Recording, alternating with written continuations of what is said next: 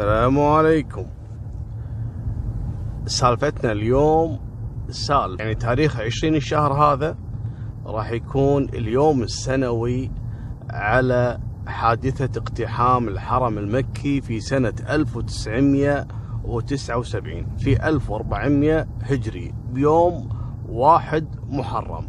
والحادثة اللي معروف عنها قصة جهيمان العتيبي. شنو سالفة قصة جهيمان العتيبي؟ صحيح العام مسلسل العاصف في رمضان ذكر هالقصة هذه وأشار لها في أعتقد ثلاث حلقات. ما كانت كافية أن تشرح الوضع كامل ومو كل التفاصيل ذكروها لكن عطوا الملخص في القصة. أنا بعطيكم القصة من جانب ثاني. في البداية. في كثير من الأشخاص اللي كانوا متورطين معاه وانسجنوا أكثر من 25 سنة آه، أو أكثر آه، تم الإفراج عنهم بدأوا يكتبون مذكراتهم وكذلك آه، الشهود والصحافة وك... المهم شلون بدت هالجماعة هذه؟ جماعة جهيمان. أول شيء جهيمان من مواليد 36 1936 والولد عادي. ديانته ديانة بدو. لكن في بداية حياته ما كان يعني ملتزم. حتى يذكر إنه كان يشتغل في التهريب بين الكويت والسعودية. وتعرفون هذول المهربين انتشروا بشكل كبير جدا. يعني مو شرط إنه يهرب أمور يعني محرمة. لا يعني مثل أيام كانوا يهربون أسلحة زقاير ما أدري شنو. آه، ما كان في أمور يعني محرمة بحتا يعني يعني ما أقصد مخدرات أو شيء كذي لا. لكن بعدين الولد التزم والتزم في دوامه. شوي شوي يعني في أمور خلت جهيمان بعد نضوجه يعني آه، بدأ يفكر تفكير ثاني. شنو هالأشياء هذه اللي خلته ينحني هالمنحنى هذا؟ قام يتذكر أبوه. قبل خمسين سنة يعني قبل ظهور آه، القصة جهيمان هذه بخمسين سنة أبوه من الناس اللي شاركوا في جماعة ينقال لهم جماعة من طاعة يعني آه، طغوا في, في الناس. فالحادثة هذه ظهر كانت لا زالت مؤثرة في جهيمان المهم جهيمان ترك الحرس الوطني.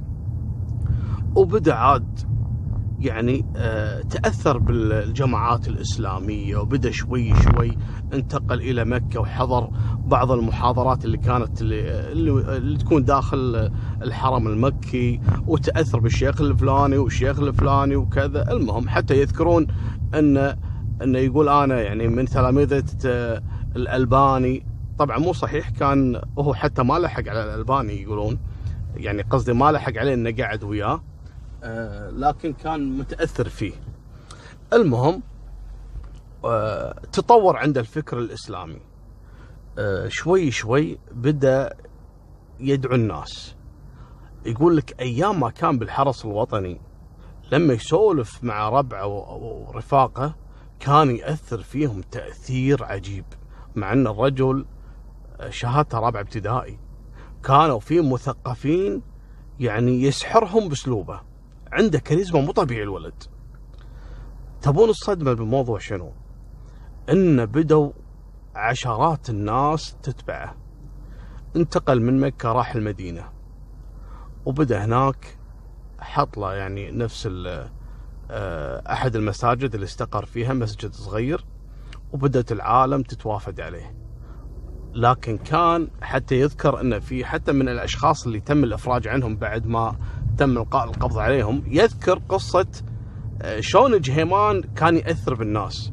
يقول جهيمان كان يبتعد عن المناطق المتطورة في السعودية. يعني ما يروح يلقي محاضرات في الرياض مثلا ولا في الأماكن عشان يتحاشى المثقفين. لأن الرجل ما كان يعرف يتكلم لغة عربية. كانت لهجته اللهجة البدوية العامية العادية. لكن آه، يعني لاقى استحسان عند أهل القرى والمناطق البعيدة يعني. ما كن بطويلة. حتى أن من قريته اللي هي ساجر آه، كثير تبعوه وتأثروا فيه. خلال هالمرحلة هذه وكان في موسم الحج طبعا هذا الحكي قبل آه، اقتحام الحرم المكي. تعرف على واحد ينقال له محمد عبد الله القحطاني هذا الولد مع انه رجل مثقف وواعي وأخلاق يقول لك اخلاقه هذا عجيب الولد. يعني شخصية رجل يعني الملتزم المعتدل الملتزم. لكن الغريب هذا الولد تأثر كذلك بجهيمان. تعرف عليه ولا خلال المرحلة اللي تعد يعني صار نسيب جهيمان. المهم شوي شوي تأثر فيه صار يمشي معاه في الدعوة. وقاموا ينتقلون ما خلوا ترى مكان إلا راحوا. وهذه المعلومة يمكن ما حد ذكرها. ترى انتقلوا للرياض والدمام وبعدين راحوا البحرين وراحوا كذلك الكويت. وكانوا يجون هني في الكويت في مسجد في صبحان وكانوا ينشرون دعوة نفس جماعات شلون التبليغ شلون اللي كانت تنتقل من مكان مكان والدعوات. نفس النظام هذا. كانت بداياتهم شوي شوي يعني عادية مقبولة. لكن تطورت الأمور معاهم وكثروا الناس اللي يأيدونهم قاموا عاد شنو يصرحون بعض التصريحات الغريبة. أه حرام التلفزيون ترى هذول أول ناس بدأوا بالموضوع هذا التكفير ما التكفير. أه التلفزيون كفر. الإذاعة كفر. يعني شوي شوي بدأوا يروحون على المحلات بداية ظهور المحلات اللي تعرفون اللي يحطون مونيكانا هذه عرفتوها؟ اللي التمثال اللي يلبسون عليه شو اسمه؟ الملابس العرض. كانوا يدخلون هالمحلات هذه ويكسرونها.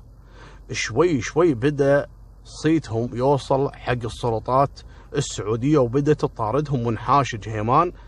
تم القاء القبض على كذا شخص لكن جهيمان وربعه انحاشوا واستقروا في المدينة وحط له خيمة وقاموا الناس توافد عليه. هذا الكلام في بداية التسعة وسبعين. هني جهيمان بدأ عاد ينتقل يروح الكويت ويرد وصارت له علاقة في الكويت. شنو قصة الكويت وياه؟ جهيمان هذا ألف رسائل نفس الكتب رسائل حق جماعات وكذا. تعرفون في 79 ما في social media ما في تليفونات نقالة. ما في يعني وسيلة اتصال سريعة. يعني هذا الشيء الغريب الموضوع. يعني كان معتمد فقط على سوالف الرسائل والمنشورات. فجاء الكويت وقام يطبع آه، الرسائل. الغريب في الموضوع شنو؟ جهيمان شلون كان يكتب الرسائل باللغة العربية المحترفة؟ مع إنه كان حتى ما يعرف يكتب. رجل أمي يعني. صحيح أنه درس الفلسفة بعدين وكذا لكن ما يعرف يكتب الرجل. يقول لك كان في شخص في الكويت يساعده. هذا يتكلم معاه بالبدوي وهذا يترجم له باللغة العربية ويطبع له. منو اللي طبع حق جهيمان الرسائل هذه؟ في عندنا في الكويت مطبعة اسمها مطبعة الطليعة هذه يسارية. وأصلا ما لها علاقة في المتدينين لا من قريب ولا من بعيد. لكن تعرف لما يقول لك عدو عدوي صديقي.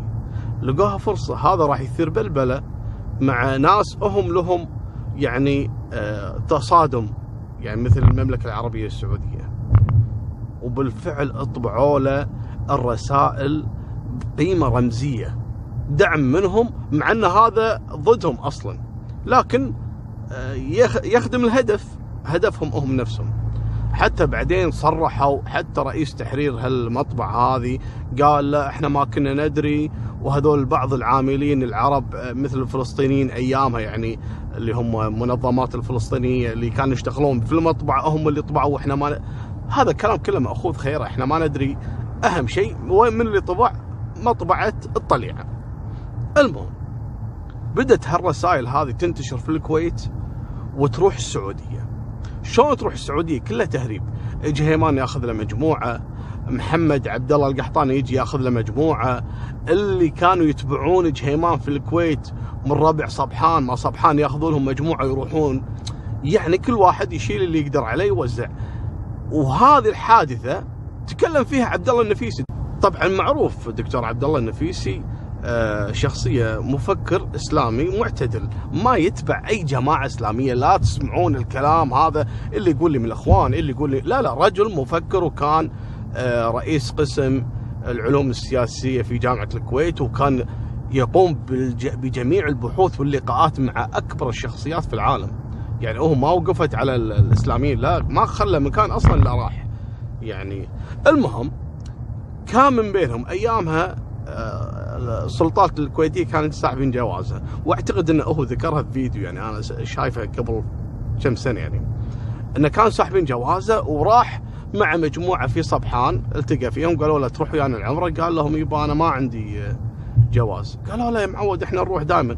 هم كانوا ما يعترفون يعني يكفرون حتى الجوازات يقول لك هذا كفر وهذا الحدود اللي آه، تفصل الدول فهم ما كانوا يعني يعتبرون في الجوازات وياخذون عندهم طريق يسمونه طريق الشرعي. فأخذوا وياهم عبد الله النفيسي الرجال اللي بيروح عمرة. ألقوا القبض عليهم في الجوازات لأن واحد فيهم كان شايل معاه الرسائل مالت رسائل يسمونها رسائل الجهيمان ما كان يدري عبد الله النفيس وسجنوه بسبه هالسالفة هذه. وطلع منها النفيس لأنه فعلا أثبت انه ما له علاقة ولا كان قاعد له فوق 30 سنة. المهم يعني كان في ناس تهرب هالرسائل توديها السعودية. يعني كانت هذه الوسيلة والغريب إن هذه الوسيلة كانت منتشرة انتشار غريب عجيب. الصدمات في الموضوع. جهيمان في البداية هذه كانت سالفتهم. وبعدين صاروا جماعة وبدأوا يكفرون العالم ويكفرون الحكومات ويكفرون ما أدري شنو. بعدين قام يتجه اتجاه ثاني. سالفة المهدي المنتظر.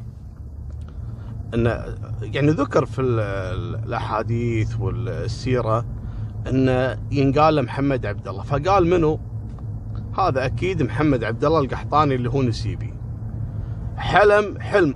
أول واحد حلم الجهيمان حلم أن أن محمد عبد الله القحطاني اللي هو نسيبه أنه هو المهدي المنتظر. قعد من النوم طبعا هذا على كلامه. قعد من النوم راح حق محمد عبد الله القحطاني قال له أنا حلمت فيك إنك أنت المهدي المنتظر. محمد عبد الله القحطاني رجل مثقف قاعد يضحك في البداية قال له يا يا ابن الحلال شنو مهدي منتظر وكذا؟ يا رجل أنا أنا قحطاني. قال أنا أنا أنت من نسل بني هاشم. المهم فقال له يا ابن الحلال ما يصير وشو ما يصير شلون مهدي المنتظر؟ ما دشت مخه السالفة هذه. يقول لك من الحوادث الغريبة اللي حصلت إن في سبعة من ربع جهيمان. يوم من الأيام كانوا نايمين في المسجد النبوي وياهم محمد عبد الله القحطاني. لما قعدوا من النوم وقعدوا يسولفون ويا بعض قال واحد فيهم يا جماعة أنا حلمت حلم غريب. قالوا له شنو؟ قال حلمت إن صاحبنا محمد القحطاني محمد عبد الله انه هو المهدي المنتظر. انصدم اللي جنبه. قال يا رجل أنا حلمت نفس الحلم. الثالث قال نفس السالفة. الرابع والخ... السبعة حالمين نفس الحلم. هني انصدموا. صاحبنا محمد عبد الله القحطاني بروحه مو مقتنع لكن استغرب. قال الجهيمان قال لي السالفة هذه قبل قبلكم بيوم يومين. وأنتم سبعة حلمانين. تبون اللي أغرب من هالسالفة هذه؟ على حسب الأقوال طبعا. إن يوم من أيام كانوا ماشيين رايحين حق قرى. يعني يروحون يبلغون دعوتهم حق القرى اللي مجاورة للمدينة والمكة وكذا. مروا على أحد الهجر. وكان في الهجرة هذه كان في بير.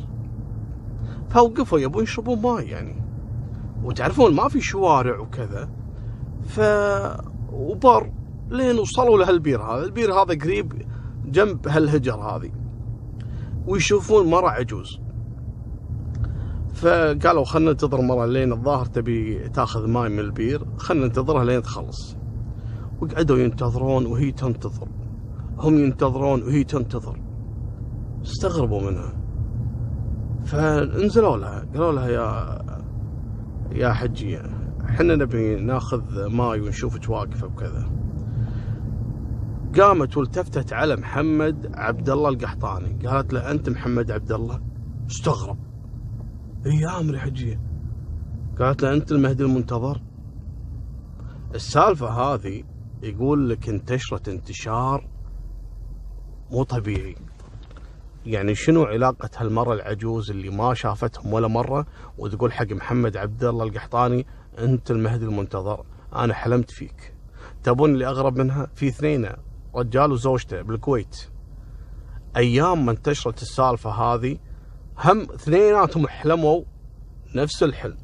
احلموا إن واحد ينقال محمد عبد الله القحطاني وموجود في المدينة المنورة وهو المهدي المنتظر. هذا أي تو ما راحوا حتى يقتحمون الحرم. ترى انتشرت الحادثة هذه بشكل مروع؟ الناس فعلا صارت فيها لوثة مو عارفين الصج وين والكذب وين. لكن أبى أفصلها لكم هذه. في كثير من الدراسات علم النفس والدراسات الشرعية العلمية تكلمت على القصة هذه. شنو قصة الناس اللي قاعد تحلم فيه؟ وهل هذا حقيقة ولا شنو قصتهم؟ الرأي العلمي يقول لك إن من كثر ما صار هوس في المجتمع وانتشرت هالفكرة هذه إن الناس حلمت في واحد ينقال المهدي المنتظر فعلا في ناس من كثر ما الموضوع هذا شغل باله نام حلم في الموضوع. أنت الحين مثلا آه يعني واحد مكفخك آه بالنهار طراقات وفناقر لما تنام تبي تحلم إنك أنت بطل؟ أكيد تبي تحلم إنك آه، واحد طاقك ولا وا... يعني انت متأثر شنو حصل معاك في النهار. الموضوع هذا كان هاز العالم بشكل كبير لدرجة انهم يتحلمون بالقصة هذه. الكويتي هذا ويا زوجته ترى راحوا على طول المدينة ولما راحوا اقتحام الحرم راحوا وياهم. بدأ موضوع يوم واحد محرم اقتحام الحرم المكي من قبل جهيمان والمهدي المنتظر المزعوم محمد عبد الله القحطاني وجماعتهم. طبعا اطلعوا من قريتهم القرية اللي كان عايش فيها آه، جهيمان وربعهم اللي في المدينة وفي مكة. الوعد كان يوم واحد آه، محرم 1979 يعني 1400 هجري. وكان هذا اليوم يوم الثلاثاء والحكي هذا الفجر. الموضوع الاقتحام راح يكون في صلاة الفجر. لكن شلون راح تتم العملية؟ باختصار القصة. جهيمان عنده خبرة بالتناكر. على طول هو اللي طلع الفكرة التناكر هذه. قال لهم نجيب تنكرين لأنه كان يشتغل بالحرس الوطني في التناكر. قال واحد فيهم نعبيه ماي وواحد نعبيه تمر. الرجل كان حاسب حسبته أنه يمكن أنهم يحجزونهم. وبالفعل دخلوا التنكرين من تحت السرداب كان في سرداب أول تدخل فيه السيارات إلى أسفل الحرم المكي. ليش؟ علشان تمر عند البير اللي الناس تاخذ منه ماي زمزم. وكان هذا شيء طبيعي السيارات تصف بالدور من بينهم هالتنكرين اللي دخلوا. بنفس الوقت كان وقت صلاة الفجر. أول ما بدأ الإمام يصلي الفجر دخلوا هم على بنا هذا شيء طبيعي إنه دائما يجيبون التوابيت أو اللي يسمونها حمالات هذه اللي يشون فيها الميت علشان يصلون عليهم. فمجموعة يدخلون بالتنكرين تحت ومجموعة تدخل بالتوابيت إلى داخل الحرم وحطوهم قدام إمام الحرم. المهم طبعا مغطي هالتابوت. التابوت شنو فيه؟ أسلحة كلها رشاشات ومسدسات فقط. يعني أسلحة تقليدية ما هي أسلحة متطورة. أول ما خلصت الصلاة تقدم للصلاة الإمام إمام الحرم المكي الشيخ محمد عبد الله السبيل. المهم أول ما خلص الركعتين صارت حركة غريبة في الحرم والناس بدأت تلفت وكذا على غير العادة يعني ولا يقوم واحد ينقال له خالد اليامي. من ربع جهيمان وعلى طول خطف الميكروفون من الإمام مع أن الإمام كان يعني يحاول أنه يرد ياخذ منه الميكروفون لكن طلع له واحد من ربع جهيمان وحط له الخنجر في رقبته. قام خالد اليامي من أتباع جهيمان وأخذ الميكروفون من الإمام. في هاللحظة هذه انتشروا ربع جهيمان كل واحد طلع سلاح من التوابيت وتوجهوا على المآذن والقبب وكذلك على البوابات عشان يحرسونها. قام تكلم هذا خالد اليامي إيش قال لهم؟ قال لهم فاعلموا أيها المسلمون أنه قد انطبقت هذه الصفات كلها على شخص بينكم الآن. يعني يتكلم عن المهدي المنتظر. قال لهم يا أخوان اجلسوا وانتشروا بين الركن والمقام. قصده مقام إبراهيم. خلكم بينه علشان سالفة شنو؟ المبايعة. قال يا أخوان انتبهوا لتسكين الأمر. يا أحمد الهيبي قام ينادي عاد بالميكروفون قال له واحد قال له أحمد الهيبي. قال يا أحمد الهيبي اطلع السطوح ومن رأيته يتمرد على البيبان فاطلق عليه النار. قصده منه العساكر حراس بوابات الحرم المكي. هني بدت صارت ضجة الناس آه، الموجودين يقول لك داخل الحرم المكي يعني يفوق العدد المئة ألف مصلي. ربع جهيمان اللي دخلوا تقريبا أكثر من 200 شخص اللي شالوا النعوش اللي فيها يعني على بنا فيها الوفيات يصلون عليهم طلعت كلها أسلحة.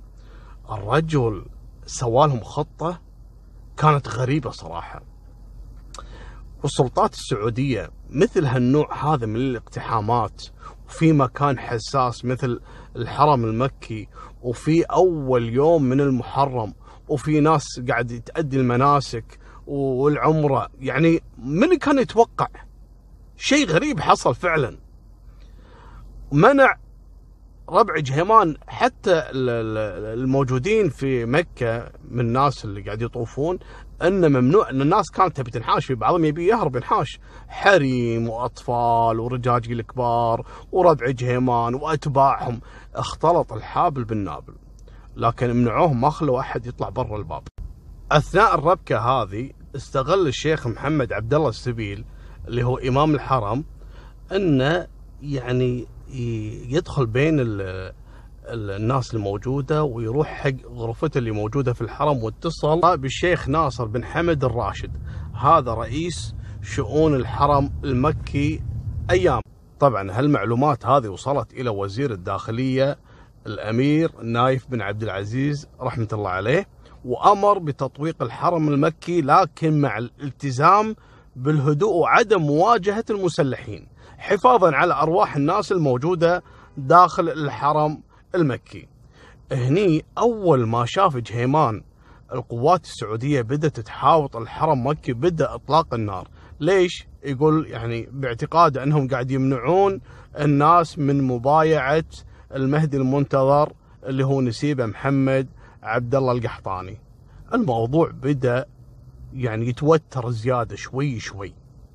إمام الحرم الشيخ محمد عبد الله سبيل قدر إنه يطلع من بين هالناس اللي كانت متواجدة ما انتبهوا عليه. وبعد ما اتضحت الرؤية للملك خالد بن عبد العزيز رحمة الله عليه بدأ باستشارة وأخذ الفتوى من كبار هيئة العلماء والمشايخ في المملكة. هل يجوز مقاومة أو آه، يعني هجوم على المسلحين جهيمان وربعة داخل الحرم المكي؟ وشنو شرعيتها. وهني فعلا بدت السلطات السعودية تستعد لاقتحام آه، الحرم المكي وتحريره من جهيمان وربعة. لكن السلطات السعودية كانت تواجه مشكلة كبيرة جدا ما كانت تعرف يعني حجم الأسلحة اللي يمتلكها جهيمان وربعة. الموضوع صار أصعب في اليوم الأول. أول واحد انقتل من ربع جهيمان هذا الشخص راح عند أحد البوابات كان عليها أحد رجال الأمن من حرس البوابات. فحاول الحارس هذا إنه يمنعه من إغلاق الباب قام هذا وأطلق النار على الحارس. ارتدت الطلقة وأصابته. وتوفى هذا كان أول واحد يتوفى من ربع جهيمان. هني بدت توتر الأوضاع وبدأوا يطلقون النار. ربع جهيمان يطلقون نار على أي واحد يتمرد من الموجودين من الناس اللي قاعدة في الحرم أو من رجال الأمن اللي واقفين على آه، أطراف البوابات الخارجية للحرم. استعد رجال الأمن في السعودية لاقتحام الحرم المكي في أول يوم وصلت فرقة الحرس الوطني والدعم من الجيش السعودي. وكان لهم ترتيبات معينة علشان يقتحمون الموضوع. اليوم الثاني صباح اليوم الثاني من اقتحام جهيمان للحرم المكي. شنو اللي حصل؟ اسمع السالفة. لما بدأ رجال الأمن بعملية الاقتحام والاستطلاع عن عدد الأفراد جهيمان والأسلحة اللي عندهم وقوتهم أصيب عدد من رجال الأمن. لكن كانت هذه العملية يعني مهمة جدا في ترتيب عملية تطهير الحرم المكي من الناس هذه. هني بدأت الإشاعات تطلع والعالم كله يسمع بالموضوع. ليش؟ على طول ثاني يوم تم نقل آه، آه، يعني بث الصلوات من الحرم المكي إلى مسجد النبوي. فالعالم كله عرف أن فعلا كان في مشكلة في الحرم المكي وإن في ناس اقتحموه. حتى إن صلاة الجمعة الأسبوع اللي بعده نقلت عن طريق آه، النبوي. هني العالم بدت تهتم في الموضوع وبدت وسائل الإعلام العربية والعالمية وال... كلها تتكلم على موضوع جهيمان واقتحامه للحرم المكي. هناك صارت في اتهامات. في بداية الموضوع بدأت إيران تتهم أمريكا. تقول أمريكا وراء آه، موضوع جهيمان ودعم جهيمان. أمريكا شو تقول؟ لا هذه إيران وراء دعم جهيمان واقتحامه للحرم. لكن فعليا كانوا هم الاثنين بريئين من موضوع جهيمان. لا إيران ولا أمريكا في الموضوع هذا. وأنتم عارفين قصة بداية نشأة جماعة جهيمان. لكن بعد ما أصيب رجال الأمن في ثاني يوم من الاقتحام بدأت السلطات السعودية تبحث عن أفضل حل لاقتحام الحرم المكي وتطهيره بدون وقوع إصابات لأنه كان موضوع جدا شائك. جماعة جهيمان كانوا مسيطرين على السطوح وعلى الصحن في الحرم المكي وكذلك في الأقبية يعني في سراديب البدروم هذا مال الحرم. يعني الموضوع كان شائك جدا وخايفين على الناس وكذا. جهيمان في ثاني يوم أطلق سراح النساء والأطفال. مو علشان عيونهم لا كان بالعكس كان مستفيد منهم. لكن لأن الأكل اللي كان جايبه معاه تنكر التمر وتنكر الماي هذا ما قام يكفيهم. فقال خلنا نتخلص أنا من النساء والأطفال. لكن احتجز جميع الرجال الشايب والكبير والصغير خلاهم عنده. وطلع النساء والأطفال. هني بدأت السلطات السعودية تشعر بالارتياح. مو مشكلة أهم شيء الأطفال والنساء وبعدين الخطوة الثانية. طبعا تم الاستعانة بأفضل فرق الاقتحام في العالم كانت الفرقة الفرنسية. خلوني أوضح لكم القصة وقصة الفرقة الفرنسية هذه. في البداية كان الكلام كله على الاستعانة بأمريكا لكن أمريكا كان لها موقف سيء أيامها لأنه بدت تنشر في الصحافة عن موضوع الحرم المكي وقامت تطلع كلام إنه تم خسائر في يعني إصابة الأراضي المقدسه يعني بالعربي استغلوا آه، قضية آه، إن جهيمان اقتحم الحرم وقاموا يدندنون على هالسالفة. هني زعلوا مو بس السعودية زعلت حتى كل دول الخليج والدول العربية والإسلامية. هني فكروا السلطات السعودية باستعانة بفرقة محترفة جدا اللي هي الفرقة الفرنسية. تم استدعائهم وتم طبعا شحن من عندهم أخذوا منهم قنابل اللي هي مسيلة دموع أو قنابل يسمونها اللي تصيب الإنسان بالشلل المؤقت عشان تقدر تسيطر عليه. جابوها معهم. هني الفرقة الفرنسية ما دخلت أبدا وعارفين الحرم ممنوع يدخله إلا المسلمين فقط. لذلك السلطات السعودية كانت حريصة جدا على أن ما تدنس يعني الأراضي المقدسة هذه حتى من الفرنسيين اللي إحنا اللي استعنا فيهم. لذلك كانوا جايبينهم فقط لوضع الخطة. وهذول لهم خبرتهم في عملية اقتحام والقنابل كانت متطورة اللي هي مسيلة للدموع والقنابل اللي تشيل وكذا. فكانوا محتاجين أن يقومون بتدريب فرق الجيش والحرس الوطني اللي ناويين يقتحمون الحرم يدربونهم بنفسهم في نفس المكان ميدانيا. وتم تحذير أي شخص يعني غير مسلم إنه يدخل آه تم تدريب رجال الأمن السعودي على آلية استخدام الأسلحة وتمت عملية الاقتحام. استمر يعني محاصرة جهيمان وربعة داخل الحرم المكي 14 يوم. توفى فيه كثير من الناس الله يرحمهم.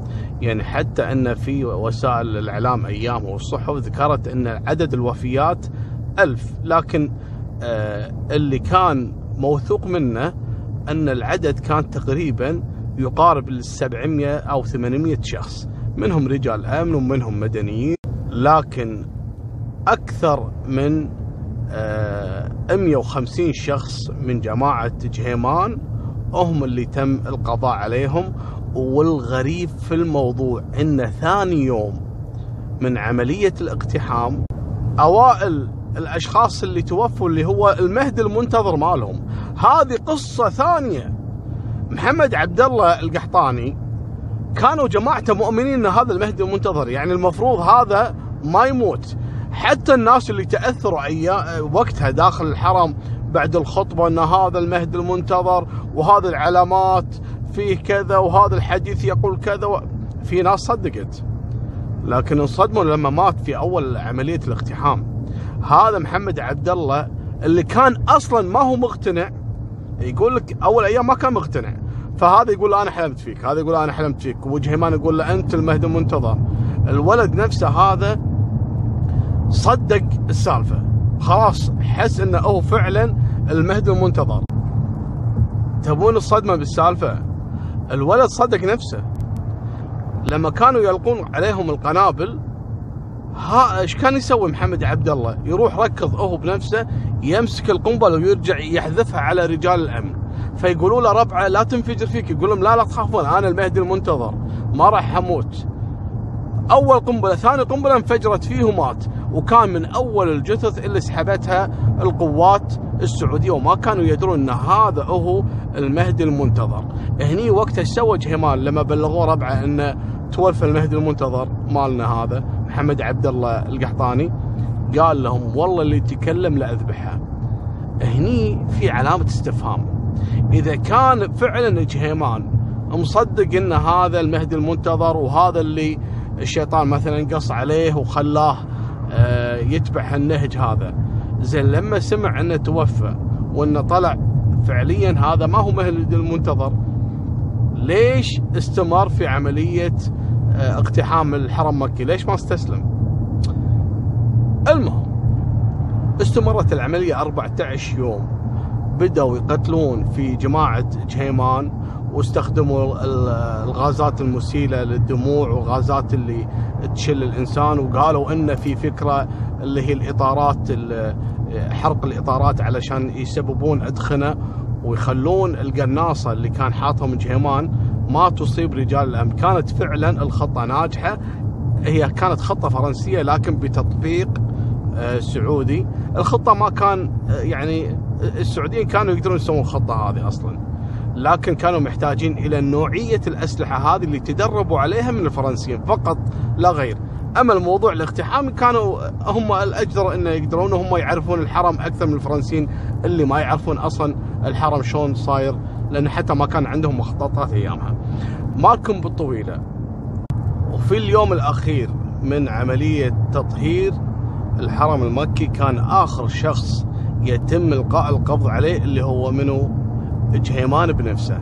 كان ماخذ أحد الأقببة تحت في سرداب الحرم المكي.